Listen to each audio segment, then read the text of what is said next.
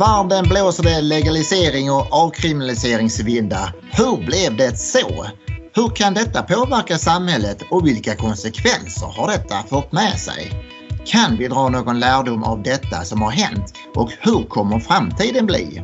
Ett superintressant avsnitt där ni kommer få ovärderlig kunskap och du kommer bli förvånad över en viss information. Till min hjälp har jag sakkunnige författaren och pedagogen Staffan Hubinett som kommer ge svar på tal. Håll i dig för nu åker vi!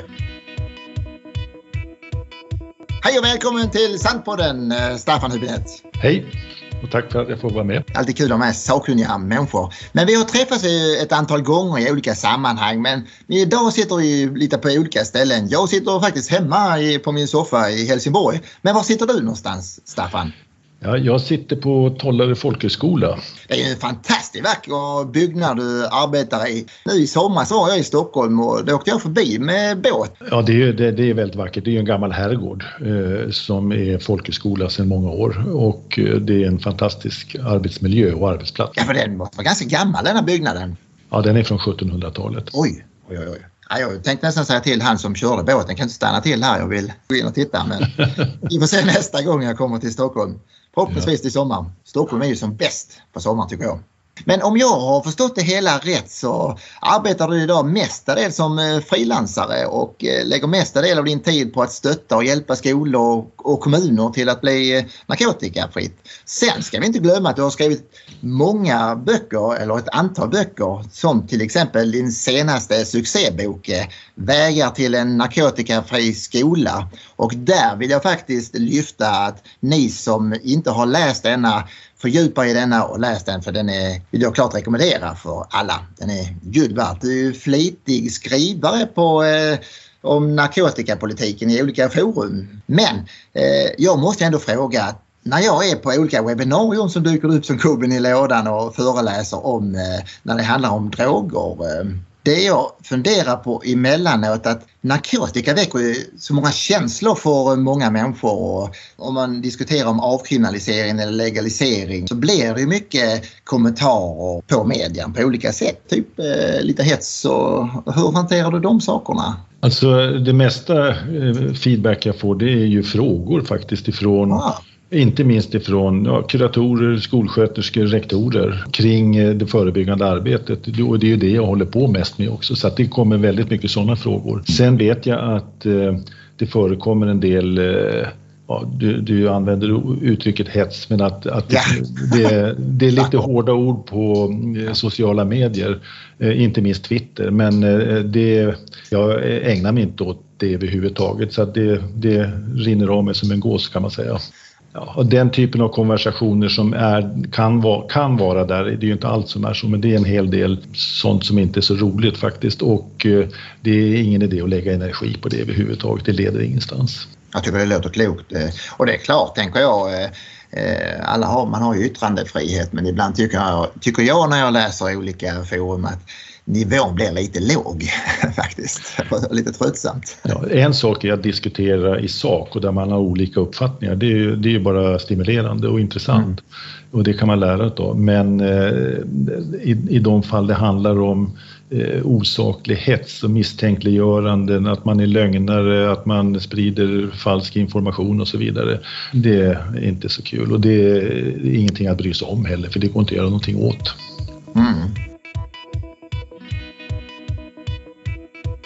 I samhället och i media slängs det mycket med två olika begrepp eh, och jag tycker det har kommit mer och mer med åren och det är avkriminalisering och legalisering. Och, mm. och min uppfattning är att begreppen blandas ihop i olika sammanhang. Kan inte du berätta Staffan kortfattat, vad, vad är skillnaden? Eh, en avkriminalisering det innebär ju att eh, narkotika fortfarande är förbjudet enligt, eh, om man ska vara formell och strikt, FNs eh, narkotikakonvention, Single Convention då från 1961. Men eh, avkriminaliseringen innebär att eh, ta bort påföljder, straffrättsliga påföljder för ringa innehav och ringa, det man kallar för ringa narkotikabrott, alltså egen användning och eh, innehav för eget bruk i små mängder. Och att det inte mm, faller under rättslig prövning utan administrativa åtgärder. Och det, men fortfarande har man ju kvar sanktioner av olika slag, alltså att böter, man kan bli av med körkortet och det, det ser lite olika ut i olika länder, både hur nivån på innehav så att säga och typ av sanktioner och påföljder.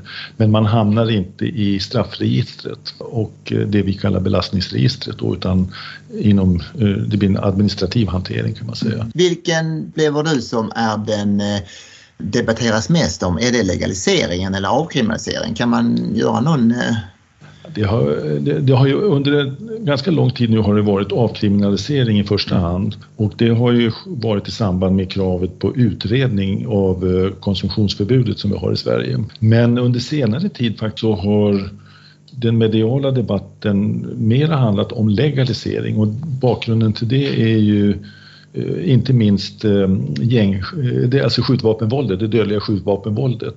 Då har legalisering seglat upp som ett alternativ.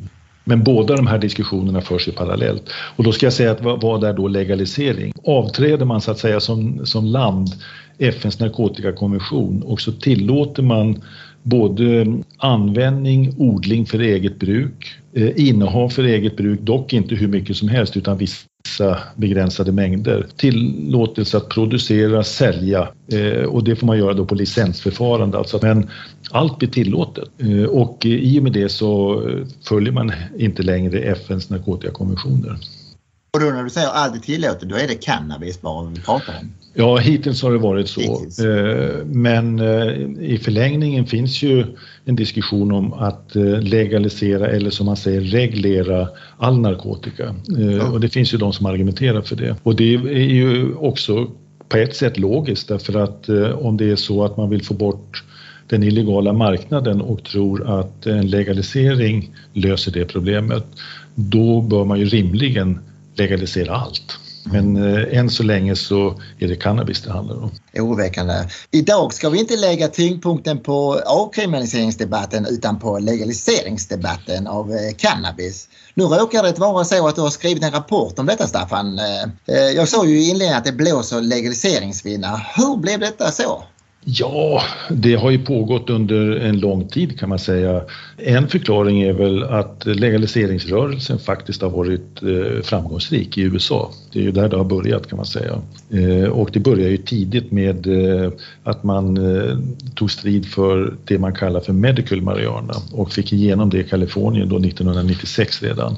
Och sen har det rullat på alltså så att lagstiftningen har luckrats upp vartefter och sen kom genombrottet då 2012 med eh, de här fyra delstaterna som genom folkomröstningar då eh, införde eh, legalisering. Då kan man säga kanske att 25 år sedan då drog det igång lite? Ja, oh ja det, det, har varit ännu längre därför att det har funnits en opinion framförallt i USA under väldigt lång tid. Men sen det som har hänt nu och som förändrar det mesta kan man säga det är ju att med legalisering så har det växt fram en kapitalstark industri, alltså cannabisindustri helt enkelt.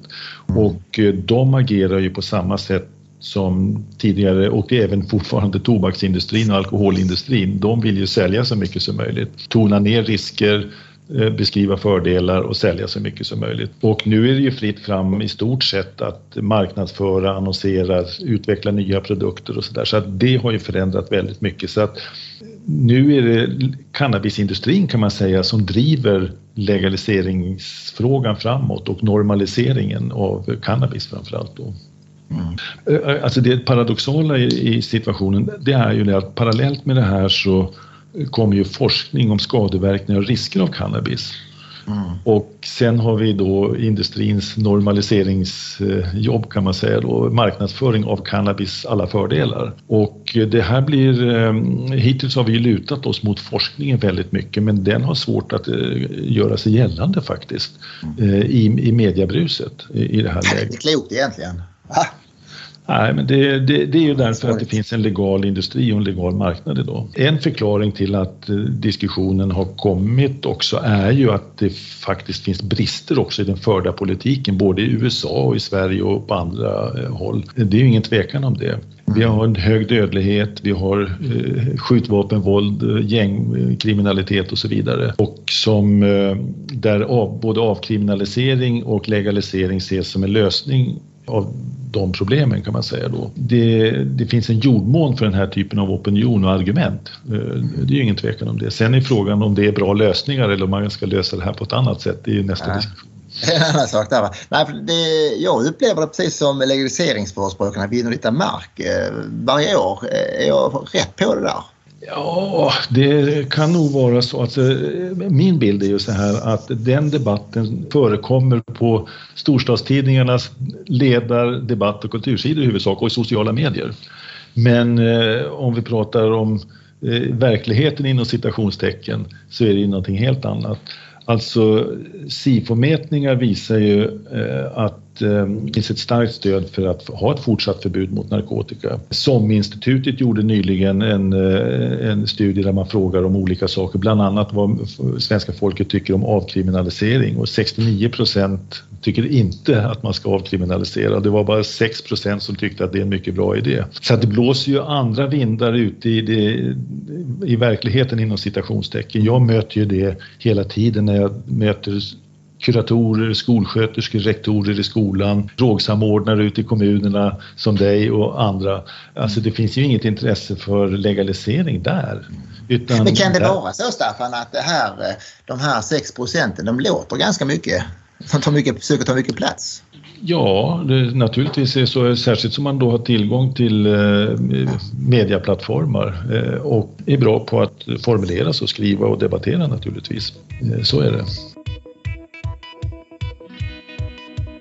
Nu har ju cannabis har funnits ett tag och då ska vi säga hasch och marijuana då. Mm. Eh, har, har priset ändrats med åren som har gått för den här, om du säger vara?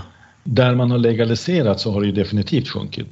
Det är så? Kraftigt, mm. oja, oja, därför att det blir ju en ökad konkurrens eh, och då sjunker priset där eh, riktigt hur det ser ut i, i länder som inte har legaliserat, det kan jag inte uttala mig om. Men i Sverige så har det väl också sjunkit eh, något eh, genom åren.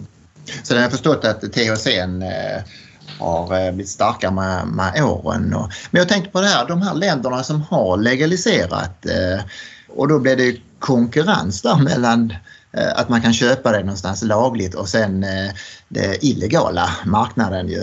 Vad eh, gör detta med både priset och det här? För du var inne på det här att priset gått neråt. Ju. Blir det en tävling emellan eller hur, hur hanterar man det i de här länderna?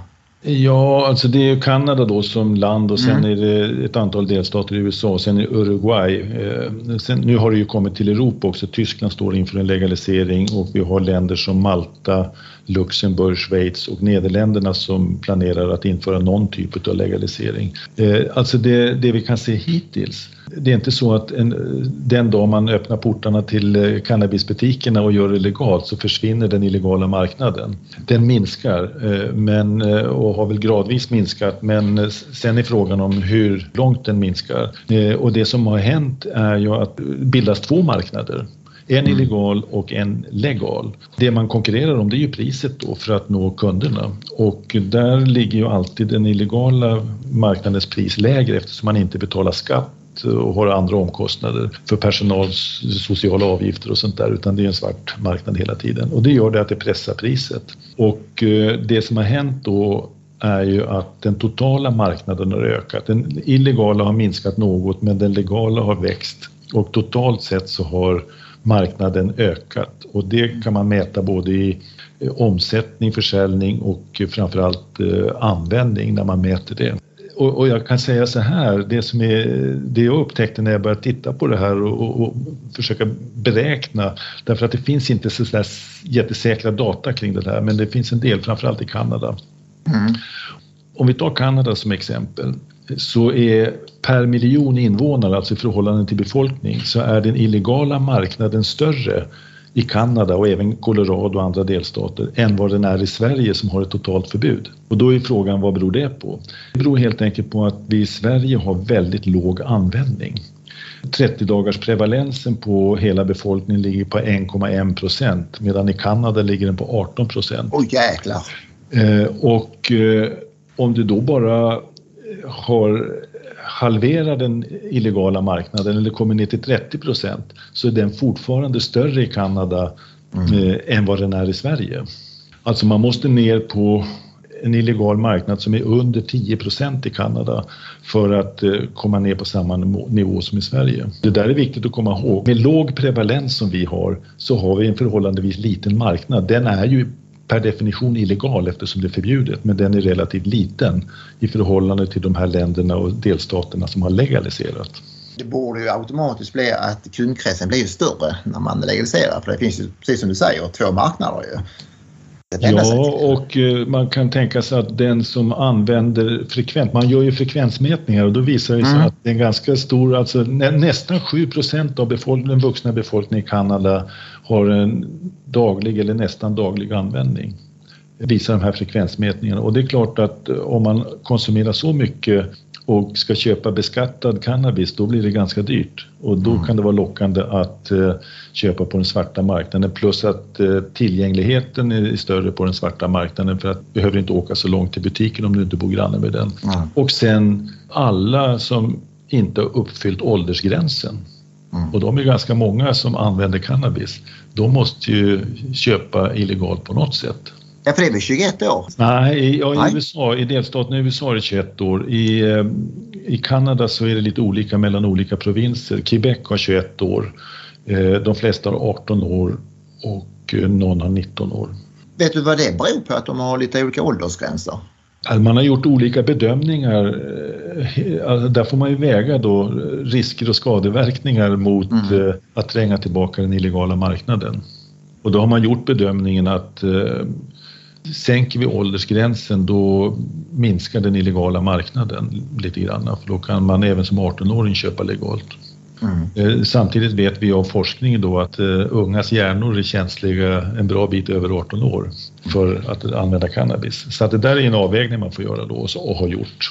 Mm. Att det skiljer så mycket på eh, användandet, om man nu tar Colorado till exempel, om man jämför mot Sverige, att mm. det är de nivåskillnaderna. Nyligen, eh, eller igår rättare sagt, så släppte CAN sin nya rapport om eh, ungdomarna att och deras bruk, man får svara på en enkät. Den visar ju ändå betydligt lägre siffror än eh, Colorado. Va? Så det är ju... oh ja, alltså man kan säga så här, för att ge några siffror. När det gäller mm. gymnasieelever årskurs 2. I Sverige, riksgenomsnittet på, i CANs mätningar på 30 dagars prevalensen, alltså har du använt någon gång de senaste 30 dagarna, ligger på 4% Colorado är det 24% Det är sex gånger högre och då kan man ju tänka sig att eh, jag möter ju skolsköterskor och kuratorer och rektorer på gymnasieskolan regelbundet och de tycker att de har mycket jobb med att förebygga och eh, hjälpa och stötta elever på olika sätt som har bekymmer, inte minst med droger då. Då kan man ju tänka sig vilken belastning det ligger på ett elevhälsoteam på eh, en high school i Colorado. det känns det, nästan det, som eh, man får rätt så mycket personal på elevhälsan där. Vet du hur det ligger till? Kan, Vet du det? Ja, alltså, jag kan säga så här, jag har inte hela bilden alls, men jag har ju varit, jag har ju besökt Colorado och jag besökte skolor där då. På en skola så visade det sig då att man hade anställt en drogterapeut som bedrev eh, grupp och individbehandling i skolan därför att man hade så stora bekymmer. Och då var ju nästa fråga hur, hur har ni råd med det? Det kostar ju mycket pengar att bygga in behandling i, i skolan. Ja, men det får vi via Mariana-skattepengarna så att säga. Ja, det är så. Mm. Så att man löser det på olika sätt, men att belastningen ökar, det är ju ingen tvekan om det. Kan man säga en liten kort summering att Sverige har fått rätt politik hittills om man jämför med bruket om man jämför med Colorado till exempel? Om man jämför samhällen mm. Eh, med eh, en restriktiv modell och ett förbud. Och det kan vara Sverige, det kan vara delstater i USA som fortfarande har det. Så visar det sig att användningen är lägre i de delstater som har ett förbud mot de delstater som eh, har legaliserat. Och ökningstakten, det är inte bara en högre nivå utan det är också en högre ökningstakt i de delstater som har legaliserat. Och Sverige ligger ju väldigt stabilt på en mycket låg nivå i en sån jämförelse. Mm. Och det talar väl för att den modell vi har valt i det avseendet eh, har varit gynnsam och positiv.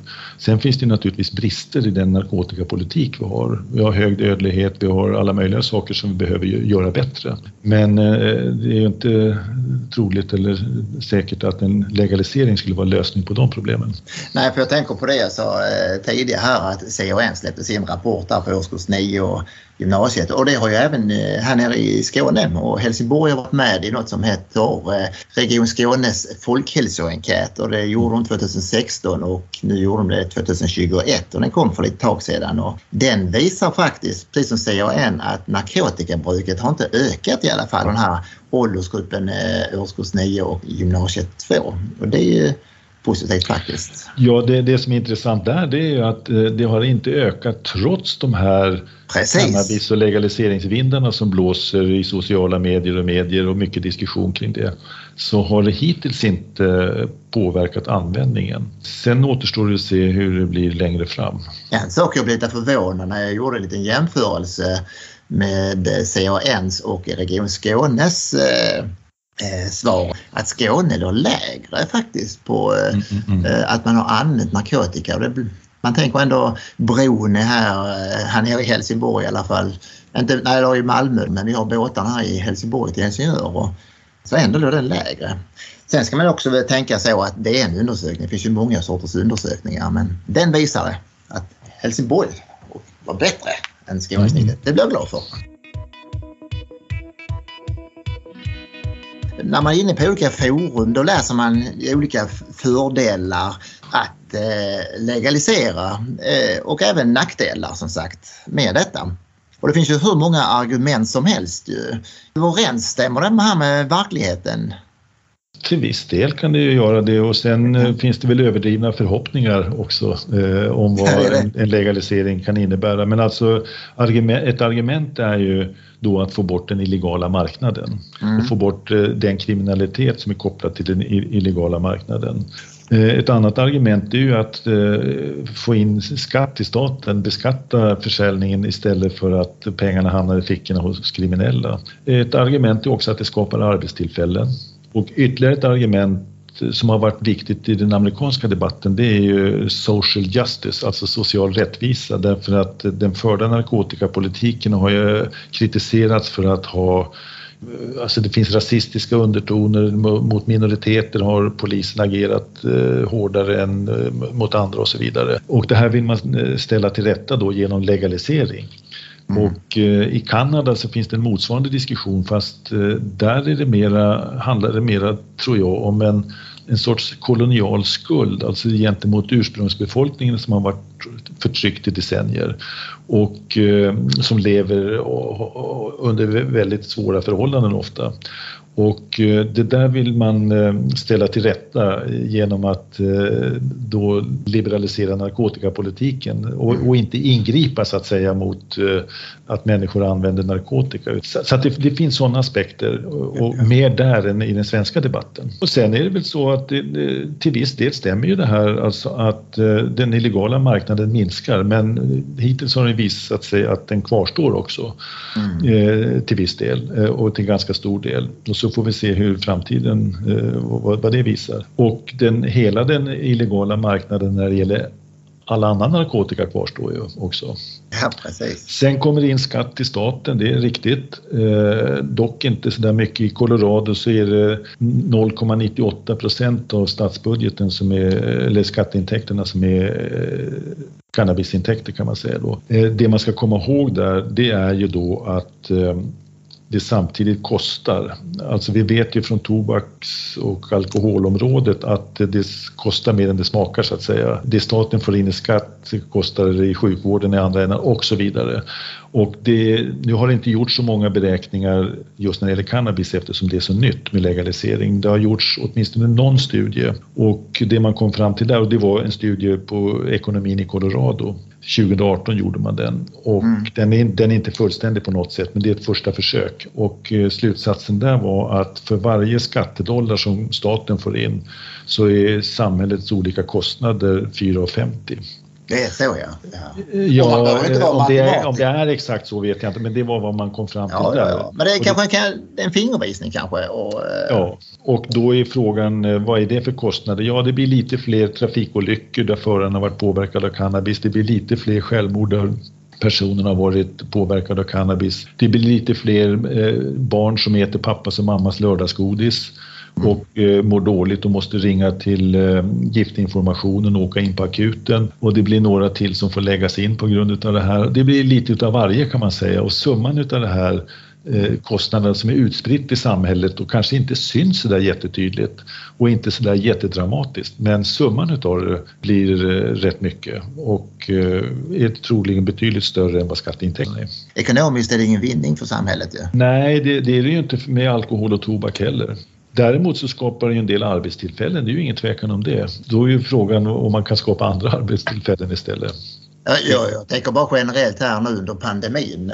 Jag tänker inom sjukvården ska det plötsligt öka det här att ännu fler ska komma in med andra sorters bekymmer då med narkotika och det är klart att det blir ännu mer ansträngt. ja, det är ja, det är det. Men en, en intressant sak är ju där att um, när, när du nämner pandemin här. Om man tittar på narkotikadödligheten så har ju den ökat dramatiskt i, i USA och de delstater som har legaliserat och Kanada. Mm. Eh, alltså dödligheten i överdoser helt enkelt. Och och eh, i Sverige har däremot narkotikadödligheten minskat under pandemin. Eh, och det säger kanske någonting om att eh, vi har ett bättre skyddsnät och bättre modell för att ta hand om problem ändå, även om vi har många brister. Vet du om det har ökat, de här länderna som har legaliserat, har andra droger än cannabis, har det gått uppåt eller neråt? Har man någon susning om det?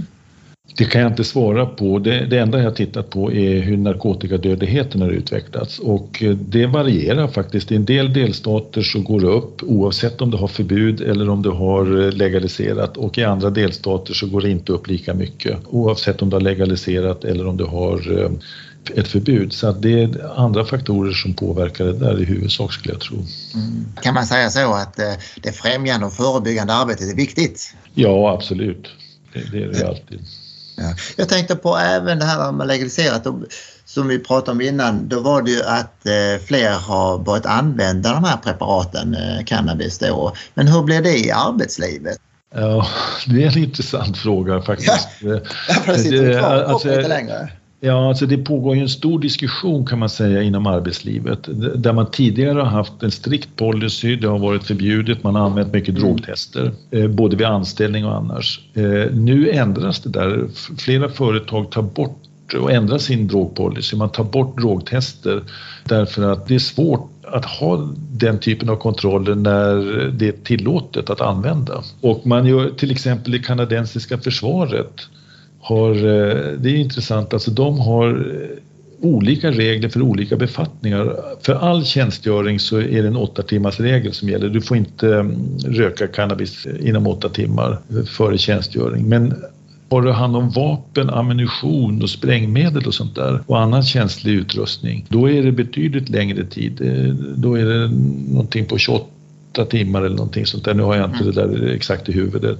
Och är du pilot eller arbetar på en ubåt eller annan väldigt känslig, känslig befattning, ja då är det betydligt längre tid som gäller. Och då uppstår ju frågan hur ska man kunna kontrollera det där? Ja, det går ju inte att kontrollera. Eh, om du ska ta urinprover eller drogtester utan det enda du kan göra det är att se om du är påverkad här och nu. Jag tänker bara på alla snickare. Jag tänkte om de ska, eh, de här höga skyskraporna, de ska upp och klättra och de är påverkade. Ja, man kan säga så här, det, det jag mötte i Colorado, för, för där träffade jag en del eh, företrädare för olika branscher och även drogtestföretag och det man sa där, det var det att vissa branscher har svårt att rekrytera personal. Byggbranschen till exempel, transportbranschen, just därför att man eh, fortfarande då och kanske fortfarande nu ändå använder drogtester.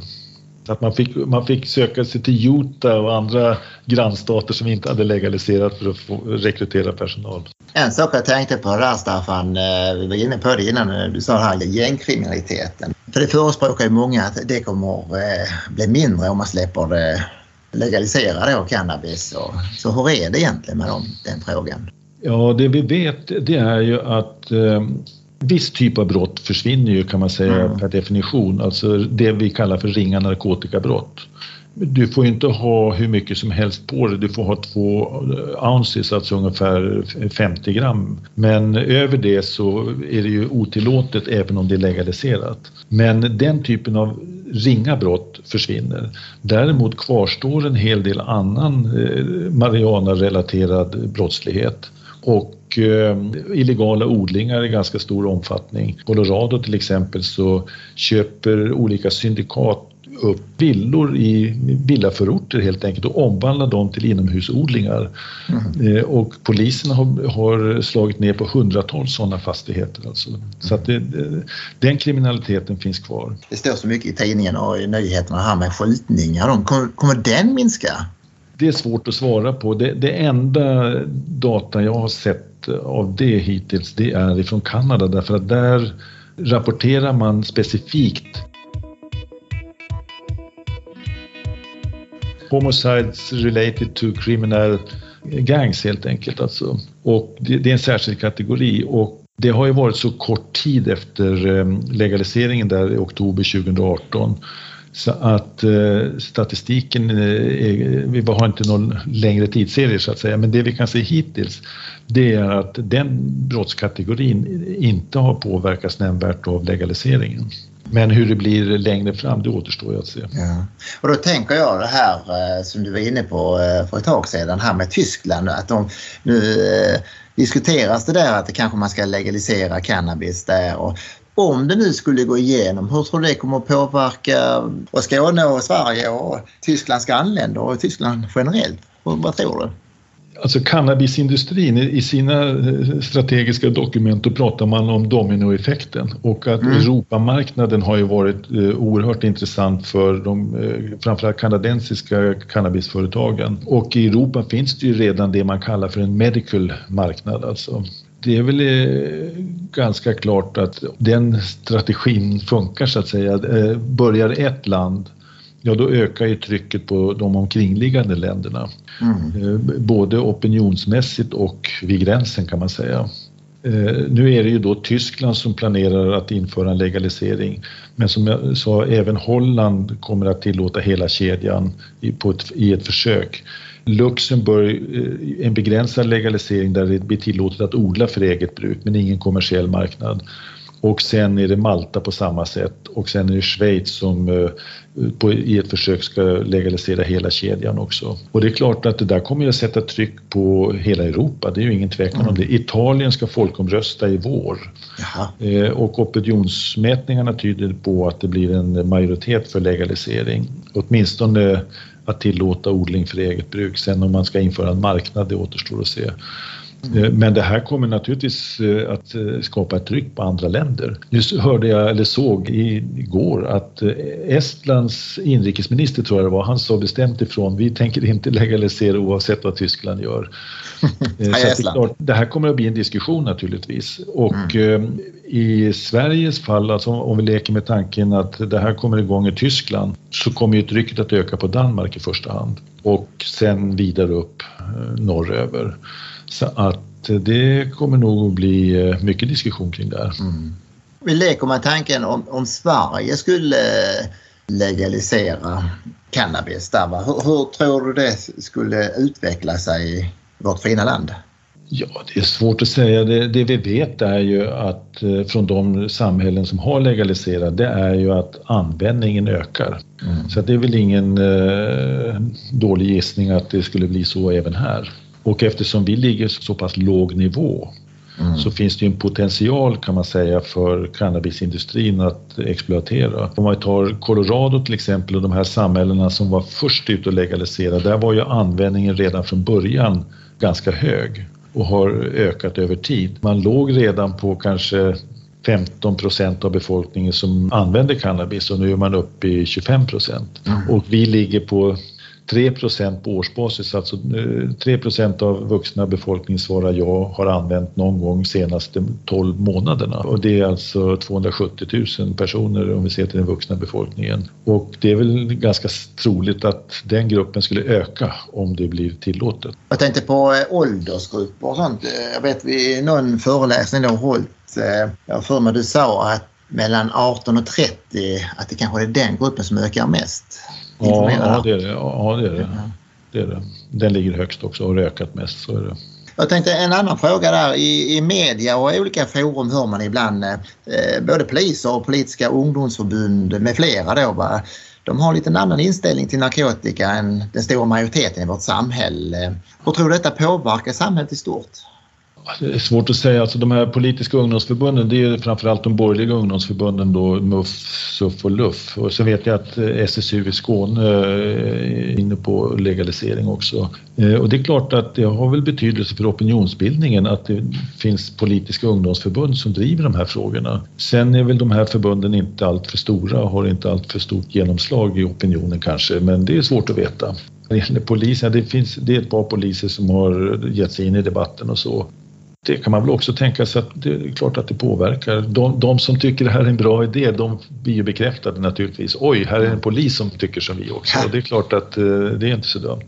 Men, ja, för jag, tänk, ja, för jag ja, tänker generellt där, det är klart det är yttrandefrihet vi har i Sverige men frågan är, är det lämpligt att gå ut i media med de här frågorna? Det, Ja. Alltså det, nej, men det är som du säger, det är klart vi har yttrandefrihet och man måste diskutera i sak och det är bara att hoppas att det är en saklig diskussion som uh, kan föras. Problemet är ju att det kanske inte alltid är så i slutändan utan att det är känslorna som styr. Jag vill ha min frihet att göra som jag vill helt enkelt. Ja. Och uh, man kan säga att legaliseringen i Kanada och de här delstaterna i USA det har ju inte föregåtts av någon forskningsbaserad prövning utan det är ju, det är ju folkomröstningar. Så, och det är likadant med, man har infört medical marijuana, det, det, är ju inte liksom på vetenskaplig grund man har gjort utan det är genom folkomröstningar och det är som om vi skulle folkomrösta om vilken medicin som helst. Och, eh, så att det, det handlar om någonting annat än saklig diskussion egentligen. Sen är det så att eh, som du var inne på så finns vissa fördelar, det finns i mitt tycke stora nackdelar och det där måste man ju då beskriva och värdera. I slutändan blir det ett politiskt beslut. Hur mycket konsekvenser är vi beredda att stå ut med för friheten att få röka en joint? Eh, det är ju samma sak med alkoholdiskussionen och tobaksdiskussionen. Hur, mycket är den friheten värd så att säga och vad är kostnaden för det och vad är vi beredda att eh, ålägga oss själva för typ av restriktioner? Och den diskussionen eh, behöver ju föras. Mm. Forskningen och vetenskapen kan tala om vad som händer om du röker en joint och vad som också händer kanske på jobbet eller i trafiken. Men eh, hur många trafikolyckor vi ska stå ut med eller hur mycket av det ena eller det andra vi ska stå ut med för nöjet och friheten att få använda en drog. Det är en värderingsdiskussion och en bedömningsdiskussion som är politisk i slutändan. Där hoppas jag att, att det är en saklig diskussion som mm. kan ligga till grund för det. Och vi kan inte lösa detta här. Har du någon gissning där om vi tittar in i den här magiska spåkulan? Hur tror du det ser ut om eh, tio år i vårt samhälle? Det är svårt att säga. Det är väldigt svårt att säga. Därför att det beror också på vad vi ser av konsekvenserna av det som händer i de samhällen som legaliserar. Och än så länge är det ju relativt nytt så att vi har inte så där jättemycket kunskap. Vi ser en del men eh, e-, effekterna på folkhälsan till exempel, det kommer att dröja innan vi ser det. Jag kommer ringa dem tio år sedan och kolla av det där. Jag tänkte tiden går fort här eh, Staffan. Hur ska vi summera detta trevliga samtalet tycker du? Det vet jag inte faktiskt. Eh, det får jag nästan överlämna till dig. Jag, jag, jag nöter ju på och eh, tycker att det här är en viktig fråga och eh, att det gäller att se sakligt och ta fram fakta och föra en diskussion utifrån det och inte tro så mycket. Så vara källkritisk är alltid bra? Ja, och källkritisk och sen ta fram fakta och det är det som jag försökte göra med den här rapporten till exempel då. Mm. Så och det måste vi säga någonting om också, den här rapporten. Den finns till exempel på verktygsläraren hbg.se kan man ladda ner den. Eller så finns den på olika sidor på, på nätet. Till exempel ja. Narkotikapolitiska Centrum har den. Narkotikapolitiskt center, går man in på den hemsidan eh, och under fliken analys så finns det ett antal rapporter och artiklar eh, kring både avkriminalisering, Eh, legalisering och andra narkotikadödlighet och så vidare. Där vi försöker eh, ta reda på fakta, fördjupa diskussionen och bidra med underlag för en diskussion. Och jag vill gärna lyfta eh, deras podd också. Hur bra som helst så det rekommenderar jag varmt och jag vet Peter Moilan har varit med i ett avsnitt innan som många har lyssnat på. Det är många bra avsnitt som man vill fördjupa sig i de här ämnena. Och, och vill man ha kontakt med dig Staffan så kan man leta upp dig på nätet eller kontakta mig.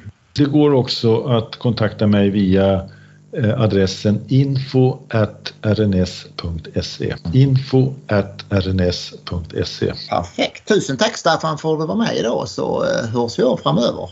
Tack själv. Hej hej. Hej hej. Vi upptäckte i efterhand att eh, det blev lite fel när vi pratade om åldersgränser. Det rätta ska vara som vi sa eh, Idel och Staffan sa att Quebec är det 21 år och provinserna, de, det vanligaste åldersgränsen är 19 och det är inte 18. Så 19 år ska det vara. Så ha det bäst. Hej!